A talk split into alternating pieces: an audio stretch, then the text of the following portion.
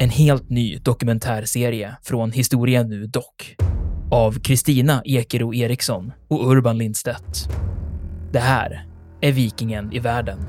Vikingarna, de var inte något främmande folk. Sannolikt är det ett slags tempel, ett kulthus helt enkelt. Enligt legenden så är rurikiderna skandinaver. Från skeppet och bränslet och slavinnan och hennes herre hade blivit till aska.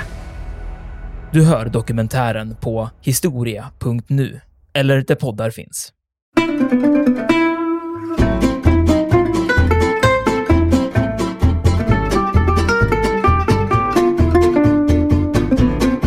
Alltså Gustav Vasa, tillbaka till honom alltså. Han var ju, han var ju känd för att vara ganska snål, eh, skulle man kunna säga, men sparsam. Men just vad det gällde liksom sötsaker och lyx så, eh, så, så han, han var ju beredd att spendera liksom hur mycket som helst nästan. För det handlar ju om att han ville skapa ett, ett hovliv enligt europeiskt mönster. Han vill ju verkligen bli liksom en, en förste bland första. Så han äter ju gott, han äter lyxigt. Han älskar marsipan. Han älskar mandelkonfekt, han älskar bröstsocker, ingefärskonfekt, nejlikkonfekt, dricker gärna mjöd sötat med honung. Eh, han älskade sött vin, så kallad bastart, som importerades från Spanien. Man genomför ju en gravöppning eh, på 1940-talet. Det är ju, det, och den synen är ju skrämmande. Han saknar ju i princip helt tänder i, i överkäken och i princip i hela underkäken också. Så han måste ju haft, eh, och han har ju de här kraftiga infektionerna som sagt var, så han måste ju haft både värk och en, ja inte alltid genom angenäm andedräkt kan vi ju anta.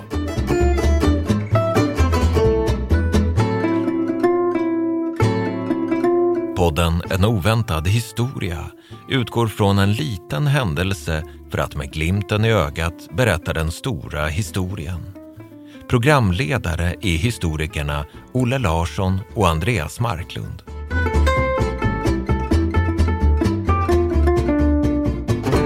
Hej Andreas! Tjena Olle! Jag tänkte jag skulle börja med att ställa en ganska personlig fråga. Aj då. Eh, ja. Hur ser din relation till socker ut? Oj då. Oj då. Eh, ja, alltså, jag var nog en riktig sockergris som barn. Alltså av, av värsta sort egentligen. Eh, och som jag minns det så var det någonting som uppmuntrades ganska aktivt av min farmor och farfar, födda på 20-talet, som då verkligen tillhörde den här sockergenerationen. Eller vad man ska kalla det för. Alltså de hade socker på allt. De fikade kanske fyra, fem gånger om dagen. Jag kommer ihåg att farmor hon sockrade makaronerna till och med. Och jag kommer dessutom ihåg att bägge två hade löständer och var liksom, vad ska man säga, stolta innehavare av ett par löständer. Det var på något sätt väldigt rationellt för dem att ha de här löständerna som de kunde ta av sig på kvällen och stoppa in igen på morgonen när dagen började. Men jag kommer också ihåg att, eh, att det var någon slags min sockerkonsumtion blev något slags eh, slagfält, för mina föräldrar tillhör en helt annan generation. Och de tyckte att det var väldigt bekymrande. Så eh, det blev tidigt politiserat i mitt liv, det här med socker. Jag vet dock inte om det blev något trauma, men idag så har jag en ganska försiktig, skeptisk inställning till socker. Jag har, jag har andra laster som jag ägnar mig åt. Det är spännande det du säger där, just den här, den här spänningen mellan generationer och synen på, på socker. För att jag tänker att vi ska prata om socker idag eh, och sockerkonsumtionens historia och sockerkonsumtionens konsekvenser på olika vis. Och sen är ju sockret som sagt var intressant eftersom det är, man kan väl säga att sockret har gjort en slags omvänd klassresa. Alltså från att ha varit en, en, en mycket mycket exklusiv och luxuös produkt för ett fåtal till att bli tillgängligt för alla. Från att eh, ha betraktats som eh, höjden av eh, lyx och förfining till, och rent av nyttig och medicinskt användbar till att ha blivit ett folkhälsoproblem. Så jag tänker att det är det vi ska liksom låta samtalet kretsa kring idag. Spännande. Jag ska ju också kanske då säga någonting om min egen relation till socker. Precis som du, när, du, när, jag, när jag var liten så var jag svårt förtjust i socker. Jag har alltid haft ganska goda tänder. Däremot så blev jag en smula rundnätt av detta sockerintag. Och idag är min, eh, min, min relation till socker i stort sett obefintlig faktiskt. Eller jag måste akta den för den eftersom jag sedan ja, ett antal år tillbaka har diabetes. Så jag skyr det här vita raffinerade sockret som pesten nära på. Men jag tänker mig att vi ska inleda med en tidsbild som vi brukar göra. Mm. Och jag ska introducera er till en inte helt okänd herre som inte var rädd för socker, utan som snarast var ganska svag för sötsaker. Så håll i dig nu så ska vi hoppa in i tidsmaskinen och bege oss till eh, Stockholm. Det är juni månad i Herrens år 1560. Och framför oss står han, landsfadern Gustav Vasa.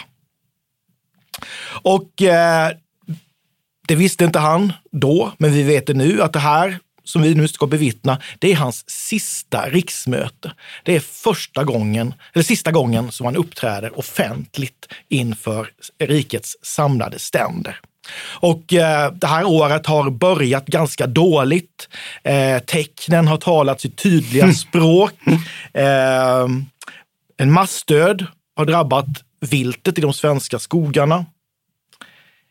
Man har hört gråt från jorden, som från en människa som ligger eh, för döden i dödsångest. Det är ett dåligt tecken. Det är ett mycket dåligt tecken. Döda fiskar har flutit in i massvis i flera svenska hamnar och gjort, ställt till problem för sjöfarten. Det är till och med ett klassiskt dåligt tecken. Mycket så, och ännu värre blir det i Arboga. En solförmörkelse. Värre kan det ju knappast bli med 1500-talsmått mätt. Och i Stockholm har man sett kometer och eldklot på himmelen. Men inga kalvar med två huvuden. Inga kalvar med två huvuden, men det här är illa nog. Så att folk förstår nog att eh, onda tider och dåliga händelser är att vänta. Och när Gustav står här, det, så är det ju en gammal och sjuk monark som står framför oss.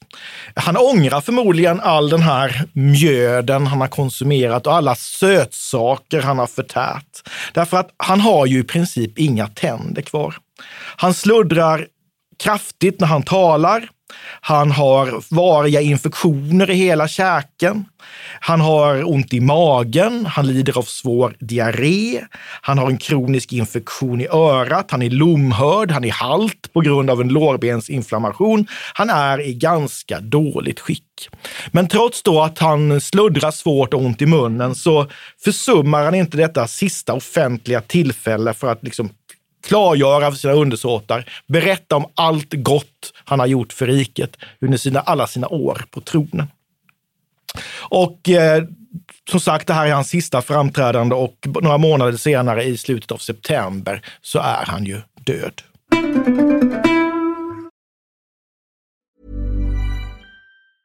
A lot can happen in the next three years. Like a chatbot may be your new best friend. But what won't change? Needing health insurance. United Healthcare Tri Term Medical Plans are available for these changing times.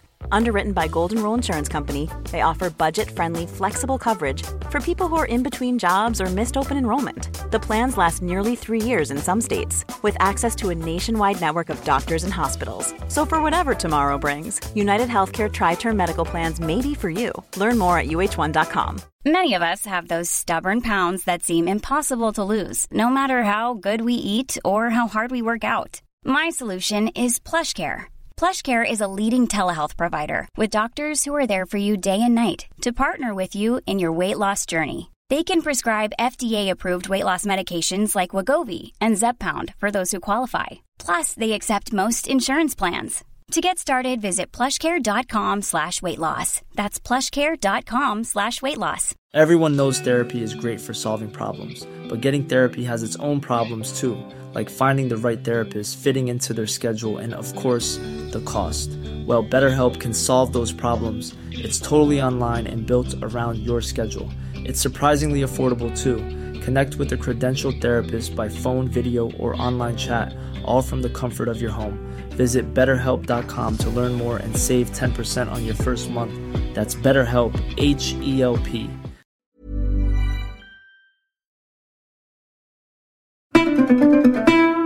Så vi har här, Andreas, det är alltså en kung som plågas svårt av dåliga tänder och tandvärk, huvudsakligen orsakad av en överdrivet stor konsumtion av sötsaker.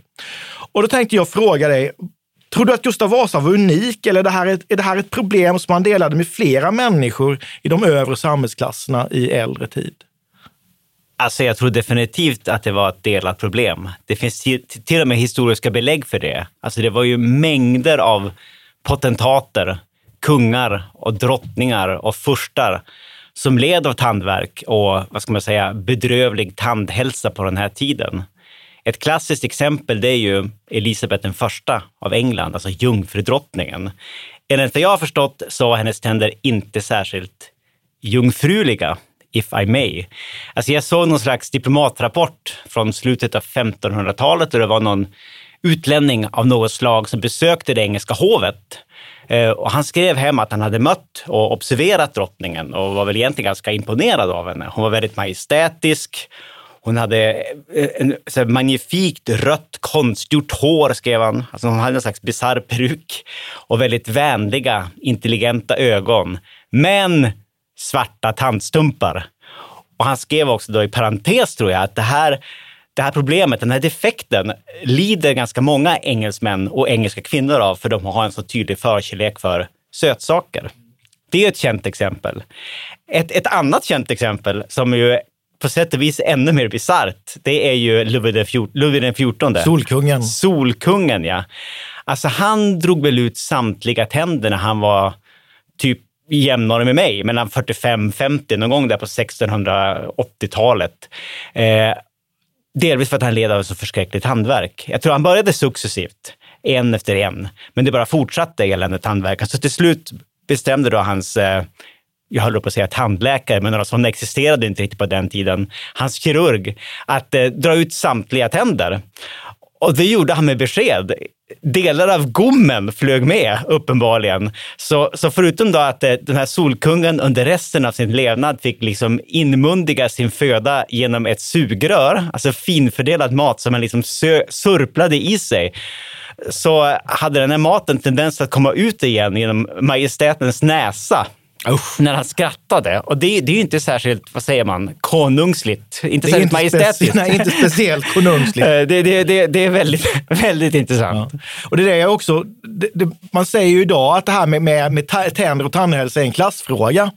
Och då var det ju, det var det ju också på 15, 16 och 1700-talet, fast egentligen tvärtom. Ja, det var helt omvänt. För där var det ju faktiskt så att det var överklassen som hade råd att konsumera de här sötsakerna, ja. som hade problem med tänderna. Ja. Medan underklassens eh, tandproblem var, var betydligt eh, mindre omfattande och orsakades snarast då av dålig kost, alltså att det slets ner. Ja, eller, precis, ja, precis. Mer förslitning ja. än, än, än frätskador av, ja. av karies. Det tror jag du har rätt i.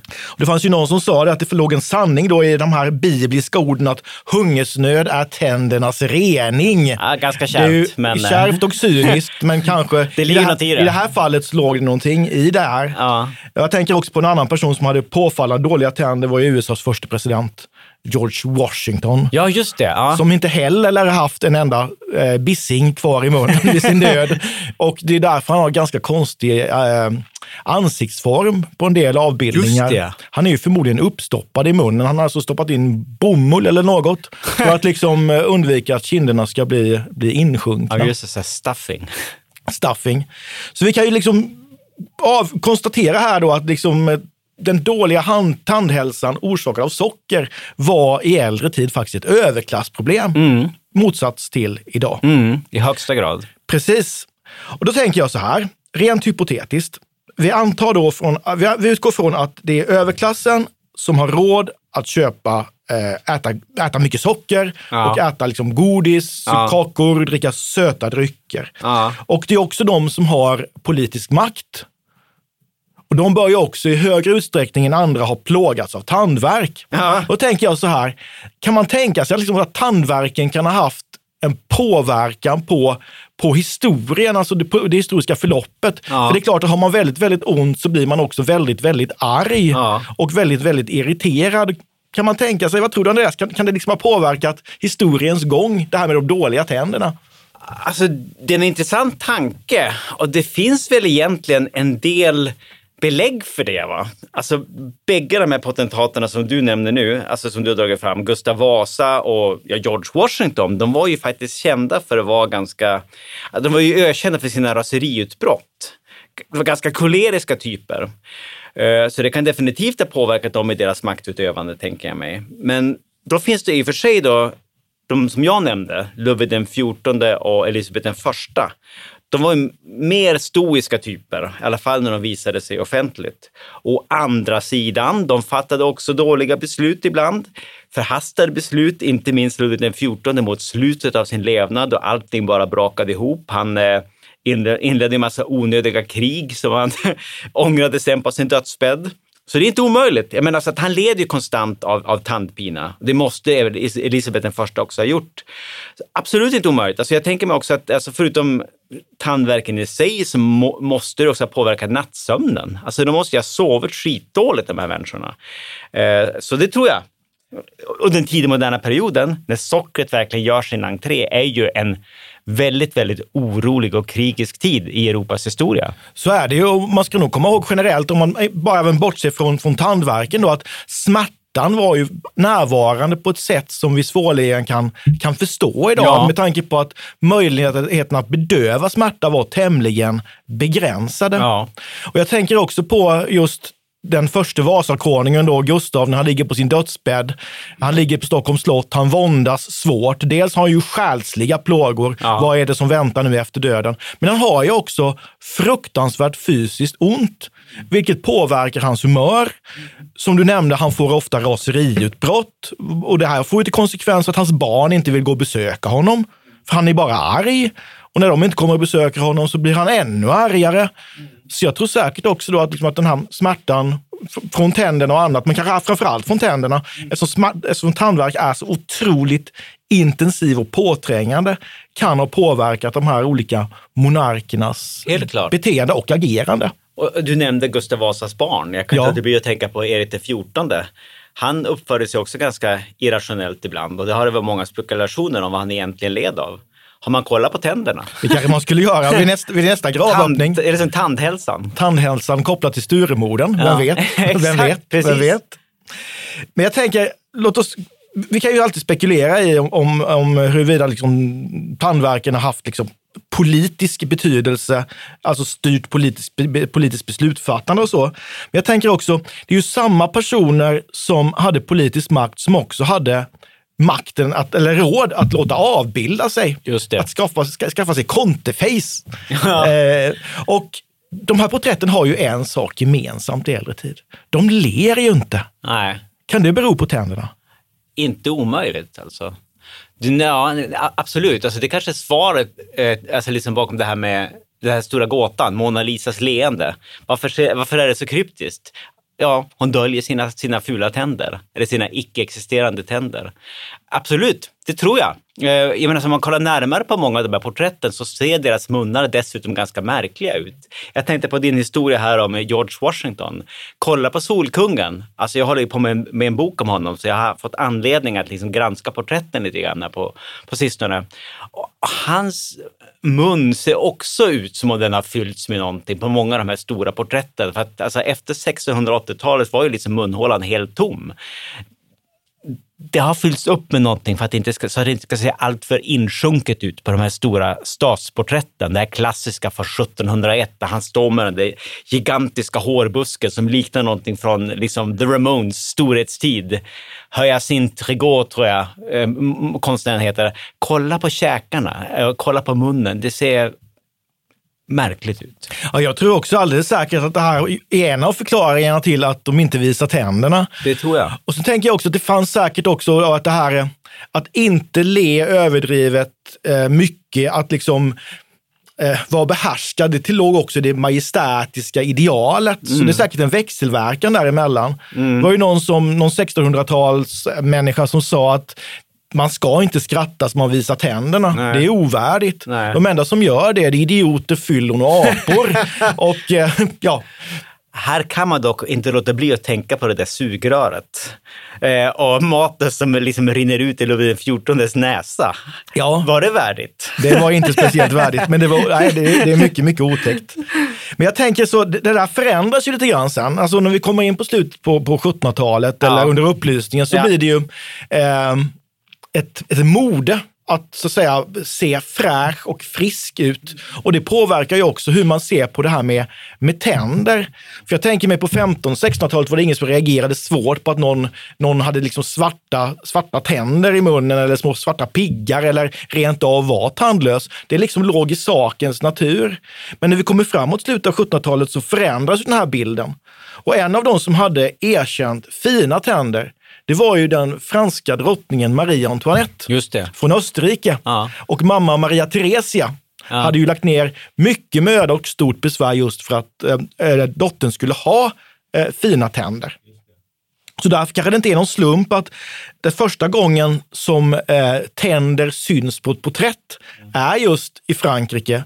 Och det är ju också under Marie Antoinettes tid som drottning. Just det är ju i det. samband med någon, en konstbiennal i Paris som Just hålls det. på Louvren. Ja. Det är en, eh, en kvinnlig konstnär som heter Elisabeth Vigier-Lebrun som har gjort ett självporträtt. Och hon chockar ju de parisiska salongerna här genom att, vad är det man ser? Jo, hon ler. Och inte nog med att hon ler, hon ler så att man mellan läpparna ser tänderna. Och det här folk blev ju chockade. De här pudrade perukerna skakade på huvudet och gick hem och liksom muttrade skandal, skandal, skandal. Och så här får det ju inte se ut. Så det, men det här förebådar ändå någonting, någonting nytt tror jag. Det tror jag också. Och här ska man kanske också nämna att jag, jag tror faktiskt att det sker vissa framsteg inom tandläkekonsten där under andra halvan av 1700-talet. Inte minst i Frankrike inom den franska eliten. Jag tror till exempel att man börjar använda tandborsten eh, såna här du, pinnar med, med så här borstar av vildsvinshår och annat för att förbättra tandhygienen. Så det händer ju någonting där under andra halvan av 1700-talet. Och tandpetare fanns ju innan. Ja, det så ett urgammalt Det är instrument. jättegammalt Ja. och man har hittat egyptiska gravar och, och allt sånt. Eh, men tandborsten som sagt, det är ju någonting nytt På 1700-talet. på 70, ja, precis. I Europa, ska vi säga. absolut, det är, det är viktigt att, att lägga till, det handlar just om Europa.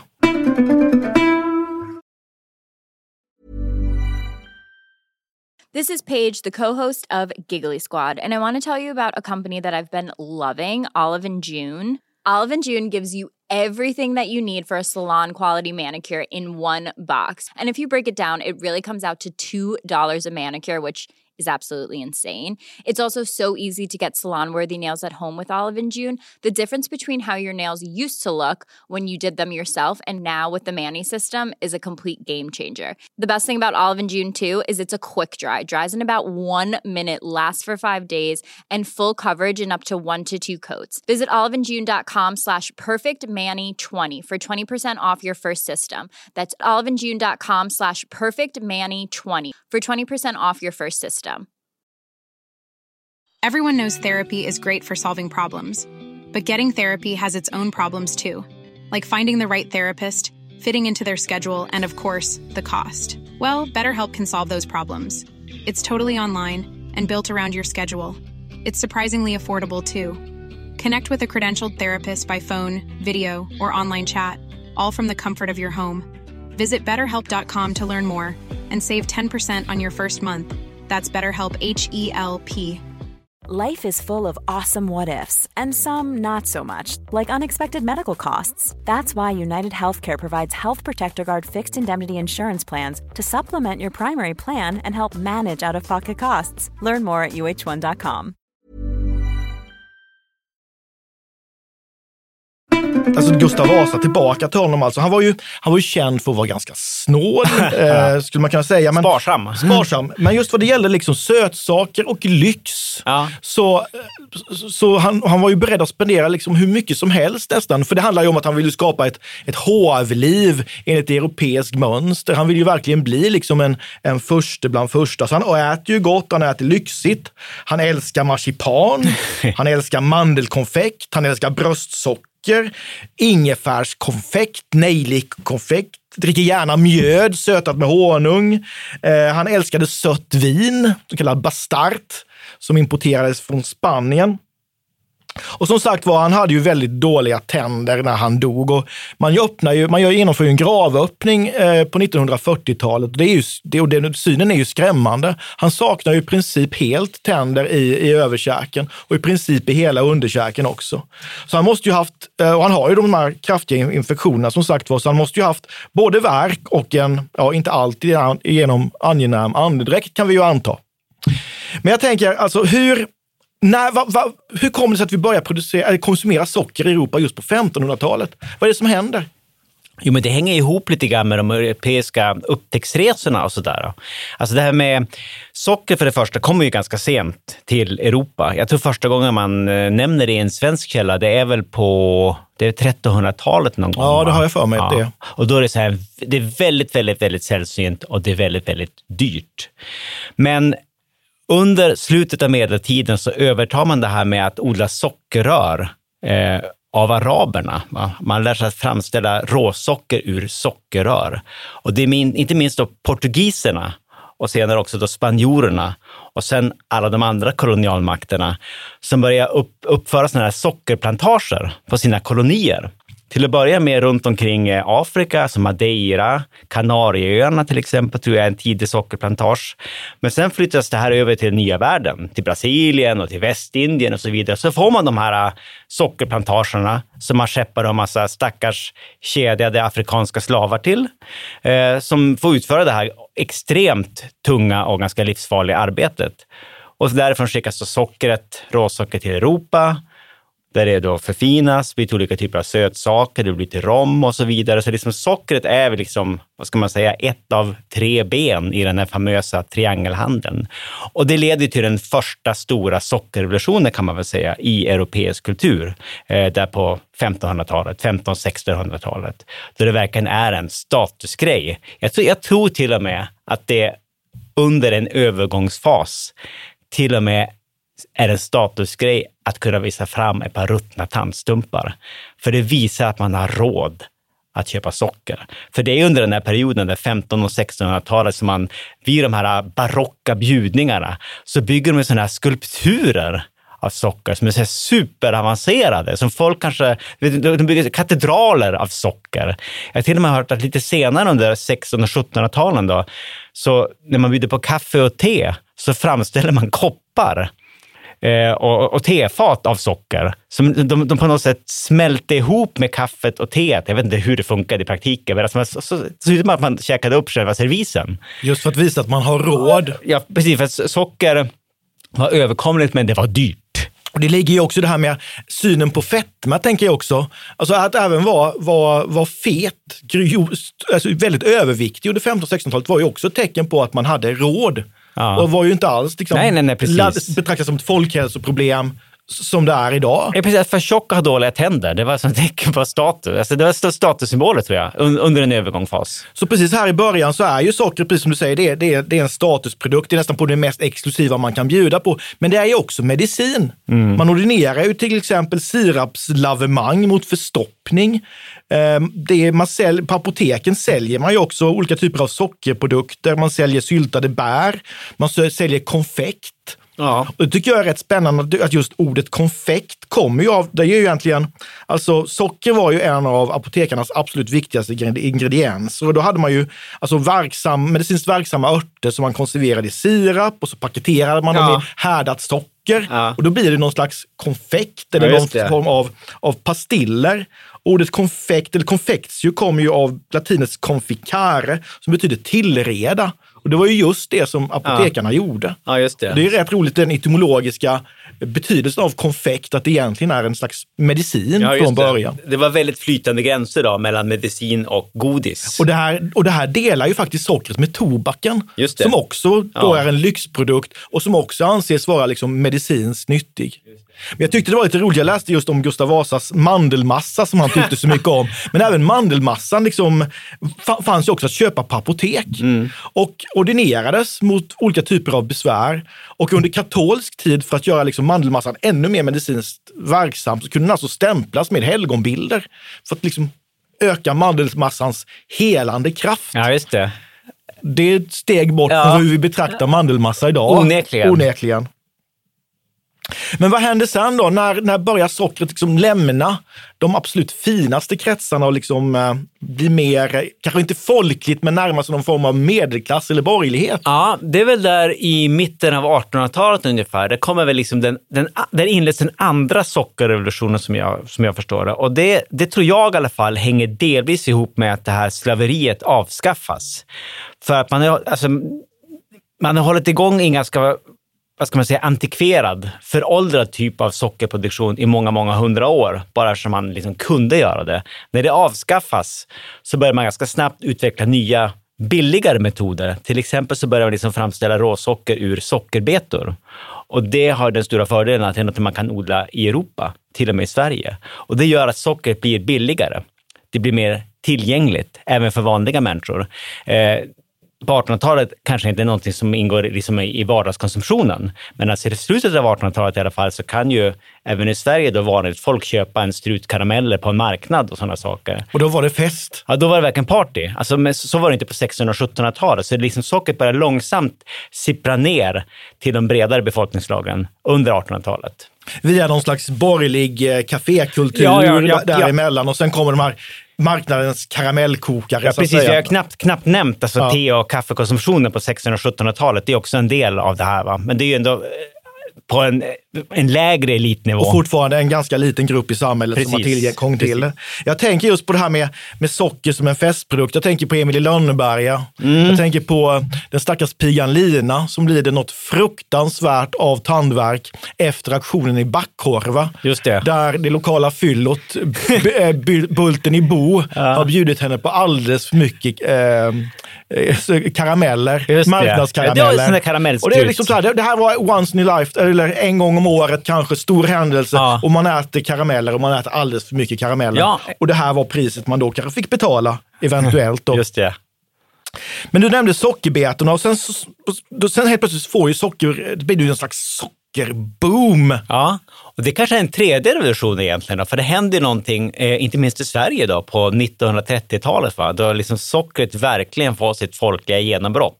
Alltså gå från att vara den där, liksom, den där lilla lyxen som man unnar sig lite nu och då, till att bli alltså, ett ett baslivsmedel. Va? Det blir och ett, rekommenderat baslivsmedel. Ja, exakt. Som liksom lyftes fram i så statliga upplysningskampanjer eh, sponsrade av svenska, vad heter det, Sockeraktiebolaget SSA. SSA hette det, precis. Ja. Exakt. Eh, som framhävde socker som både modernt, rationellt, eh, sunt. Mycket eh, energi för pengarna. Väldigt, väldigt energirikt. Gott. Ja, innehåller en massa nettokalorier som då ansågs vara då, eh, någonting enbart positivt. Alltså mina, min, min farmor och farfar är ju, var ju produkter av det här, deras sockerkonsumtion. Alltså sockret ingick i allt. Jag läste att någonstans här, alltså den stora genombrottet här kom någonstans på 30-talet och framåt och ja. liksom egentligen sammanfaller ganska väl med det svenska folkhemsbygget på något vis. Och att man då börjar, alltså från att nästan inte konsumera socker alls Nej. till att få en årskonsumtion på 50 kilo per person ja, och år. Alltså helt, det är helt otroligt. Det är helt insane. Vad det gäller liksom den här sockerkonsumtionen. Men det, det, är, det är helt sinnessjukt egentligen när man tänker på det, men alltså det förvånar mig inte. Alltså jag kommer ihåg det här från min egen uppväxt. Det var socker överallt. Och då förstår man ju också att här någonstans, här någonstans så börjar det ju borga för att den höga sockerkonsumtionen skall, kommer att bli eh, ett, ett hälsoproblem. Ja. Både vad det gäller liksom övervikt men också vad det gäller tandhälsa. Precis. Alltså, när är det man ser det här sambandet mellan socker och karies ja. för första gången? Ja, en milstolpe, en milstolpe, det, ja, en milstolpe i det sammanhanget är ju de här sockerexperimenten. Då, rätt tvivelaktiga sockerexperimenten som utförs då på det här Vipeholms anstalt för sinneslöa som det heter, som ligger här i närheten av Lund, där vi nu befinner oss. Alltså det utförde man ju ganska eh, milt uttryckt tvivelaktiga experiment på de intagna som tvångsmatades med, med kola. Va? Mm. Speciellt eh, klistrig kola ja, som verkligen precis. skulle fastna i tänderna. Och där kunde man konstatera efter tio år att de här personerna eh, utsattes då, de fick ju tandröta, alltså mängder av tandtroll som det hette på den tiden. Alltså deras tänder ruttnade, de fick ju svåra kariesattacker. Så här kunde man liksom belägga vetenskapligt att det finns ett samband mellan sockerkonsumtion och karies. Och det vände det ju. Ja, och där ringer ju en, en larmklocka. Exakt, exakt. För jag tänker på, du och jag är ungefär lika gamla ju. Och vi har ju, om vi tänker tillbaka på vår egen skoltid, så, så alltså, vi, vi hade ju en kvinna som var konstant en konstant kvinna i våra liv under många år nämligen fluortanten. De här små plastmuggarna med fluor och ljudet då av eh, först den djupa sucken det knackade på dörren och in kommer fluortanten. Nej! Nej! Och sen ljudet av 30 små barnamunnar som liksom silar den här vätskan mellan tänderna. Precis, i, i, i fyra, fem minuter och sen ett unisont spott och så här, den här dova den här fluorsmaken, så jag kan fortfarande komma ihåg hur det smakade. Ja, jo, jo. Men det här var ju naturligtvis, vi tyckte inte det här var gott, men det var ju all välmening. Och det här var ju också, det var ju en del, ett folkhälsoprojekt. Vi skulle få bra tänder. Men om man skulle sätta något slags startår för den svenska liksom, tandvårdens historia, startpunkt, finns det någon sån i Sverige? Ja, men det är väl det där, är det inte 1663, 1600-talet va, då liksom Collegium Medicum eh, styr upp det där lite grann och börjar kräva någon slags intyg va? Eller de, de, de, de, vad är det, det är någon slags legitimation va? Ja, det blir någon ha. slags legitimeringsförfarande egentligen. De skulle visa upp sina kunskaper och färdigheter i praktiken inför Ja. det här medicinalkollegiet. Ja. Och det är, är det inte smeder inte minst som används i det här? Som en slags eh, Ja. praktiskt utövande tandläkare. De Ja, drar ut tänder helt Det är det, enkelt. och det där ja. är ju ett problem för att smederna, de har ju ganska starka nypor. Det har de ju. Och det är klart att det där kunde orsaka ganska svåra skador på Ja. patienten. Alltså när man fick med sig en bit av käkbenet eller ganska mycket av tandköttet. Eller gommen. Eller en del av som, gommen. Som i. Solkungens fall. Precis. Och jag tänker återigen då på, på den här stackars pigan Lina. Ja. När hon kommer tillbaka från Backkorva, fruktansvärt ont i tänderna. Vad ska man göra? Ja, då har vi alla de här folkliga försöken. Ja, men du får, vi binder tand, en tråd i tanden och så försöker vi dra ut den med hjälp av en häst och ryttare. Ja, det går inte. Hon får hoppa från en taknock när ett, ett snöre är fastsatt i tanden med den och hon ska liksom hoppa. Och det fungerar inte heller. Och det slutar med att den här desperata stackars pigan får gå till smepelle. Som då jag kommer ihåg hur det ser ut i de här, i de här böckerna, Emil-boken som jag har hemma. Den här svartmuskiga smeden som är liksom svart av sot, som står med en jättestor tång, där hennes utdragna tand glimmar. ja. Hon går därifrån och håller sig om den verkande Ja, hon hade en käken. rejäl bula på Hon kinden. hade en rejäl bula på kinden. Men han var ju legitimerad. Det är det som är så bisarrt. han var ju det. Någon slags diplom. Så Så man tänkte, annars, man tänkte ju annars då liksom att det här med, med smeden och det var en myt, men det är det ju absolut inte. Och det fanns ju andra sådana här gör det själv eh, eh, saker man försökte göra med tänderna. Allt från hälla i brännvin, snus, hönsträck, eh, glödande spikar och ja, ganska obehagligt. Fylla munnen med blodiglar kunde man också göra. Det kunde va? man göra, låta sig igelbita. Så då fanns det någon handbok där det stod att man, det kan man visst göra, men man får vara väldigt försiktig. Därför att om igeln sliter sig och man, den som man råkar svälja den, Ja. så kan det bli väldigt tråkiga konsekvenser. Och det förstår man ju. Då kan man få så här åderlåtning inifrån på något sätt. Precis, och det är inget inte bra. riktigt vad man har tänkt sig kanske. Men jag tänker också på det innan vi avrundar det här med att det är ju svårt för oss att tänka, men, men det fanns ju en tid när tandutdragningar var ett marknadsnöje. Just det. Där, där ja. liksom smeden Ja. eh, hade en liten scen där man tog upp patienten på och så kunde de andra liksom glädjas åt den här stackars eh, patientens vånda. Och ibland så gav man dem ju droger. Lustgas var ju populärt och då kunde folk skratta åt när han, raglade, eller han eller hon raglade runt på scenen. I en lustig dans. I en lustig dans och det är ju långt borta från vår betydligt bättre och kliniska tandvård ja, idag. ja. Gudskelov. Kanske lite tråkigare då, men... Ja, men gudskelov får man väl ändå säga. Men jag tänker så här, vi, vi brukar ju alltid så här avslutningsvis ibland blicka framåt lite. Ja. Bara för att visa att vi inte bara tittar tillbaka. Det är allt det här jag brukar bli lite, lite nervös. Precis, men det här finns ingen anledning till nervositet. Det här är en enkel framtidsspaning, Andreas. Jag tänker på det här med sockrets framtid. Ja. Alltså, eh, vad tror du? Vi har likheter mellan socker och tobak. Ja. Eh, från exklusiv njutningsprodukt och medicin till big no-no. Vad tror du, kommer, vad, hur kommer sockrets eftermäle se ut? Kommer det hamna, hamna på samma historiens wall of shame, skammens vägg, som tobaksrökningen? Ja, som eh, tecknen i skyn ser ut just nu så ska jag nog säga, svara ja på den frågan, svara jakande. Alltså det är det väldigt mycket som tyder på. Alltså jag är ju själv ganska försiktig i min sockerkonsumtion utan att på något sätt vara extremist i något avseende. Och jag tror att då yngre generationer är ännu mer försiktiga och har väl kanske mer en, vad ska man säga, ideologisk underbyggnad bakom det här. Eh, det finns ju så här Politik pratar man ju ofta om på daghemmen och sådana saker. Eh, så visst, absolut, men det, kan, det, det, kommer, det beror på hur de politiska konjunkturerna utvecklar sig i framtiden. Alltså det kan ju också komma någon slags motreaktion. Det är inte omöjligt. Absolut. Och jag tror också då att framtidens anledning till att man kommer kanske då betrakta sockerkonsumtion som, som otroligt farligt och, och, och, och, skadligt och kanske då nästan på lite skämmigt. Det har nog inte, kanske inte så mycket med tänderna att göra som med den allmänna folkhälsan. Ja. Så jag skulle faktiskt, eh, med risk för att sticka ut, sticka ut hakan, så tror jag att sockrets roll som liksom den som förstör tänderna, den tror jag är över. Just det. Mm. Det handlar mer om fetma. Ja. Så den moderna tandvården är tillräckligt effektiv. Just det. Vi kommer slippa Gustav Vasa Söder. Skönt. Ska vi runda där? Det gör vi. Tack Adjö. för idag. Adjö. Hej. Tack. Vi tackar programledarna Olle Larsson och Andreas Marklund. Kontakta gärna Olle och Andreas på ovantad.historia.nu. Vi läser allt, men hinner kanske inte alltid svara.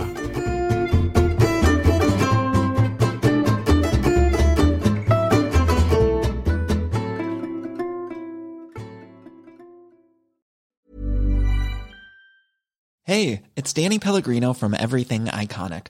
Ready to upgrade your style game without blowing your budget? Check out Quince. They've got all the good stuff shirts and polos, activewear, and fine leather goods, all at 50 to 80% less than other high end brands.